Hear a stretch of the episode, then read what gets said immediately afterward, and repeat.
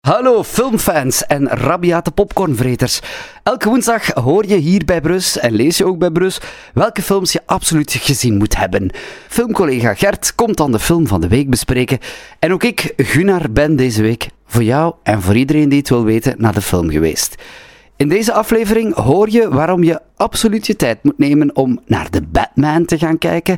En waarom Belfast misschien de verrassing kan worden op de Oscars. Of misschien net niet. We all have a story to tell. But what makes each one different is not how the story ends, but rather the place where it begins. Your buddy from Belfast, where everybody knows you. Hey, buddy! Your mask on, idiot! Misschien eerst een woordje over Kenneth Branagh. Uh, inderdaad, regisseur van twee Hercule Poirot-films. Hij is acteur-regisseur, dus hij speelt dan ook Hercule Poirot met een hele wilderige moustache.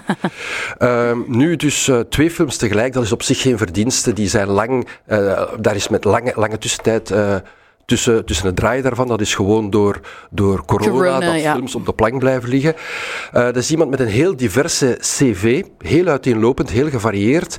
En hij is bij het grote publiek doorgebroken in de jaren 90 met een hele reeks Shakespeare-verfilmingen. Hij is ook opgegroeid in Engeland en door die Shakespeare en opgroeien in Engeland denkt iedereen hij is een Brit. Maar nu komt hij dus met die film Belfast over zijn jeugd, waaruit blijkt hij is een Ier. Uh, ik, ben, uh, ik ben absoluut te jong om te weten hoe, hoe het eind jaren 60 in Belfast voilà, moet gegaan zijn. Ja. Maar het, wat ik mij herinner uit de jaren 90 was dat het uh, grauw en een beetje onaangenaam was soms. Ja, ja, ja. ja. En er, er heeft nog heel lang een burgeroorlog gelopen ja. met, met aanslagen en het uh, Irish Republican Army. En dus deze film speelt zich af in 69 en dan beginnen de Troubles. Dus dat zijn de conflicten tussen de katholieken en de protestanten. Branagh is opgegroeid in het protestants milieu. Dat begint dus zo gewelddadig dat zijn uh, ouders gedwongen zijn om uit te wijken naar Engeland. En dat is dus voor het gezin ja, een vrij traumatische ervaring, want zij zijn heel gelukkig in die arbeiderswijk in Belfast waar zij opgroeien. En je krijgt dus die terugblik op 69 door de ogen van de negenjarige Branagh. Leg dat dan misschien een beetje uit? Ik zeg het, we hebben het daarnet gehoord. Het klonk zo heel... Ja, Disneyfication was het eerste wat in mij opkwam. Je hoort zelfs letterlijk zo magische elfenbelletjes op de achtergrond. ja, ja, ja. ja. Het, het, is een, het is echt een feel-good film. Hè? Want dus het ah, gaat ja. wel over, over die troubles, over dat geweld en die rellen. Uh, maar het is echt gezien door de ogen van die, van die negenjarige jongen. Dus met een zekere naïeve blik. En daar heb ik toch wel wat bedenkingen bij. Die, ja, die terugblik op uh, die jeugd en op dat arbeidersmilieu is heel erg geïdealiseerd. Hè. Dus op straat, iedereen zegt uh, tegen elkaar vijf keer goeiedag. Iedereen uh, zorgt voor elkaar, iedereen kijkt uit voor hem. Hey buddy, your mom's is waiting for your tea. Uh, er is een grote samenhorigheid. En ik geloof dat, dat dat iets is dat verloren gegaan is. Dat in kleine gemeenschappen en in dorpen vroeger veel sterker was. Maar het ligt er zo dik op. Ook die mensen leven in kleine arbeidershuisjes. En dat kennen we van hier ook. Als het goed weer is, mensen in kleine huizen, die zetten hun stoel op straat. Maar hier wordt er gedanst, gefeest, gezongen op straat. Oké, misschien was dat wel zo, maar het ligt er allemaal zo dik op dat het een beetje too much is uh, voor mij. Daarbij, een andere bedenking is ook, ik zeg ja, hij is acteur en regisseur. Hij heeft al meer dan 15 films geregisseerd, maar hij is niet de grote regisseur. Hij is vooral, Kenneth Branagh is vooral een acteercoach, een acteurscoach. En dus de intimistische scènes, die, kan hij, die zijn heel goed, maar de film opent met rellen. Dat zijn actiescènes, heel complex, heel veel personages. Op mij kwamen die niet geloofwaardig over. En natuurlijk, ja, in de cinema loopt er dan op dat vlak wel heel wat concurrentie. Ja, voilà. We zijn wel wat gewoon hè, voilà. in actiescènes. En ook, ja, die, die arbeiderswijk, die wordt heel clean voorgesteld. Je zegt Disney, jawel, daar ligt geen sigarettenpeuk, geen bananenschil, geen hondendrom op straat. Het is allemaal zo proper. Uh, de intro en de outro van die film is in kleur. Waarom? Ja, voor een de rest is in zwart-wit. De rest in zwart-wit. Dus de hele film, 99% is in zwart-wit. Dat is dan om een connectie te maken tussen het verleden in zwart-wit en het heden in kleur. Maar dat is een beetje knullig. Die kleurenbeelden, dat is precies... Jouw Oscar gaat hij niet krijgen, Gert? Van de, van de dienstpromotie, ja. van de wel, dienstpromotie. Wel, visit ja, visit uh, Oscar, Ireland zit er ook wel, bij. De acteurs mogen van mij een Oscar krijgen. Want dus de film heeft zeven Oscar-nominaties. Dat Hè, en de film wordt echt gered door de acteurs. Ik zeg, hij kan heel goed acteurs coachen en dat zie je. Hè, eh, de, het hoofdrolpersonage, zijn alter ego, dat jongetje Jude Hill, die heeft zo'n charme. Die gaat iedereen, iedereen wil die omarmen. En uh, je vermeldde al Judy Dench. Zij heeft ook een nominatie. Zij speelt de grootmoeder. En dan heb je de grootvader, een, een echte Ier, Kieran Haynes, hè, zoals aan zijn naam te horen, karakterkop. En het samenspel tussen kleinzoon en opa, dat zijn de mooiste scènes van de film. Die zijn heel ontroerend, heel grappig. Zou je mij dus naar de cinema sturen vanavond? Wel, als je, als, je, als je houdt van mooi acteerwerk, als je houdt van een nostalgische blik, dan moet je er naartoe gaan. Uh, maar ja, het is niet de grootste cinema. Ik vind het iets te zoeterig, iets te iets te zeemzoeterig, iets te soft allemaal. Ik vind, als je terugblikt op jouw jeugd, het is niet dat je alleen maar de hele mooie dingen onthoudt. Hè. Er zijn ook minder fraaie dingen. Maar het is een crowdpleaser, het is een film voor het grote publiek. Hij heeft zeven Oscar-nominaties en het is een hele serieuze kanshebber. Hij gaat films met meer nominaties waarschijnlijk kloppen. Daar okay. ben ik bijna zeker van. Fear is a tool. When that light hits the sky... It's not just a call. It's a warning. I'm vengeance. Heel veel mensen kijken terecht ook, denk ik, wel uit naar de nieuwe film van Batman. Um, ja, ik denk dat heel veel mensen weten dat er al heel veel films gemaakt zijn over Batman. Het is al begonnen in de jaren 60. Er zijn ook de, strips, de stripreeksen beter. Er was eh, de heel succesvolle filmreeks van uh, Tim Burton uh, met Michael Keaton in de hoofdrol. En er was ook uiteraard Christopher Nolan met Christian Bale, die dan oh, Batman, die zijn stem zo'n beetje kapot maakte, precies telkens als hij zei dat hij Batman was. maar nu is er dus een nieuwe film film gemaakt door Matt Reeves. En dat is de man die onder meer Planet of the Apes heeft gemaakt. Oké. Eh, als je dat iets zegt.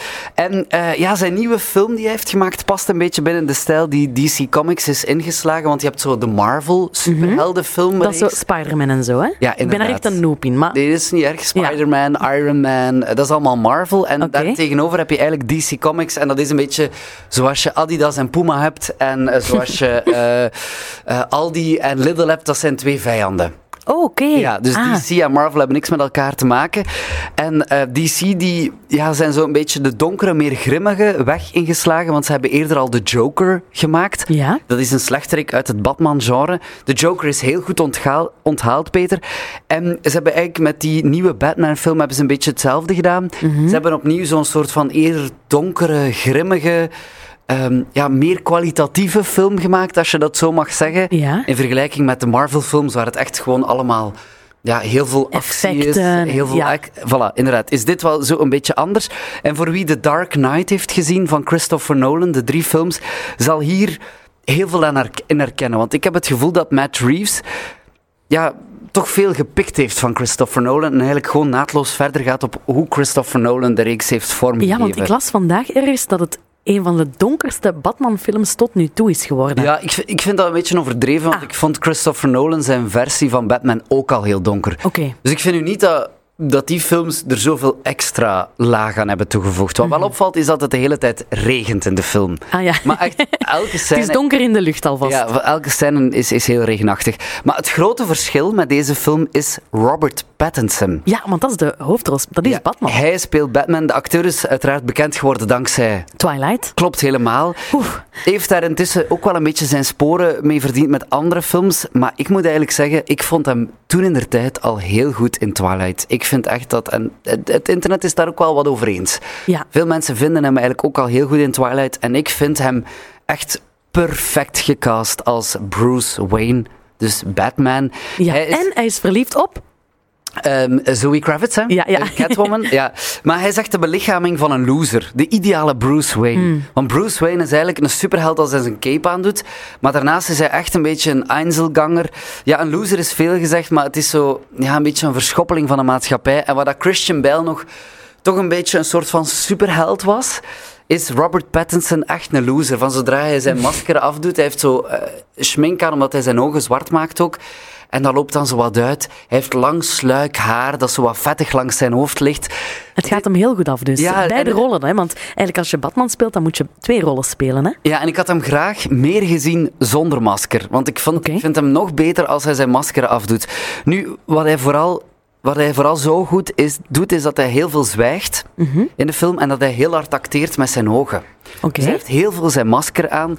Je kan weinig acteren, want je hebt zo'n pak aan en je moet dat dan, hè, dat zit dan gegoten als lijf. Dus hij acteert heel fel met zijn ogen. En ja, ik ben heel benieuwd om meer van Robert Pattinson te zien als Batman. En naar verluid zouden er nog twee films komen met andere slechterikken.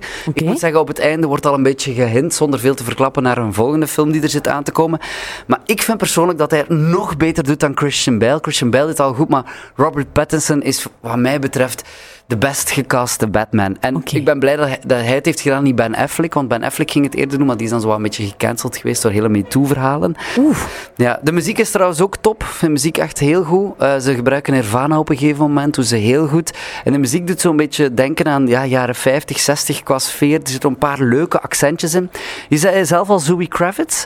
Ik vind haar Minder goed gecast. ik vind een beetje een, een platte Wulpse vrouw zo. Ik vind Ah, dat ja. daar weinig interessants in zit. En Zo, ik ben verstoten door mijn ouders en ik heb geen goede band met mijn vader. En ik heb dat al te veel gezien. Dus ik vind Zoe Kravitz niet top. Ehm, maar de film graaft diep in het verleden van Batman. Het is een lange rit wel, drie uur. Oeh. Ik was er niet op voorbereid. Ja, drie uur film, maar het is wel drie uur Robert Pattinson als fantastische loser. Verschoppeling. Ehm, ja, het is, het, is, het is grote cinema en je moet hem in de cinema zien. De special effects zijn goed, de sound is fantastisch. En eh, pluspuntje ook, eh, als ik hiermee mag eindigen, Luana. Ja. Zoals we daarnet begonnen zijn met Marvel-films, heel veel actie, heel veel...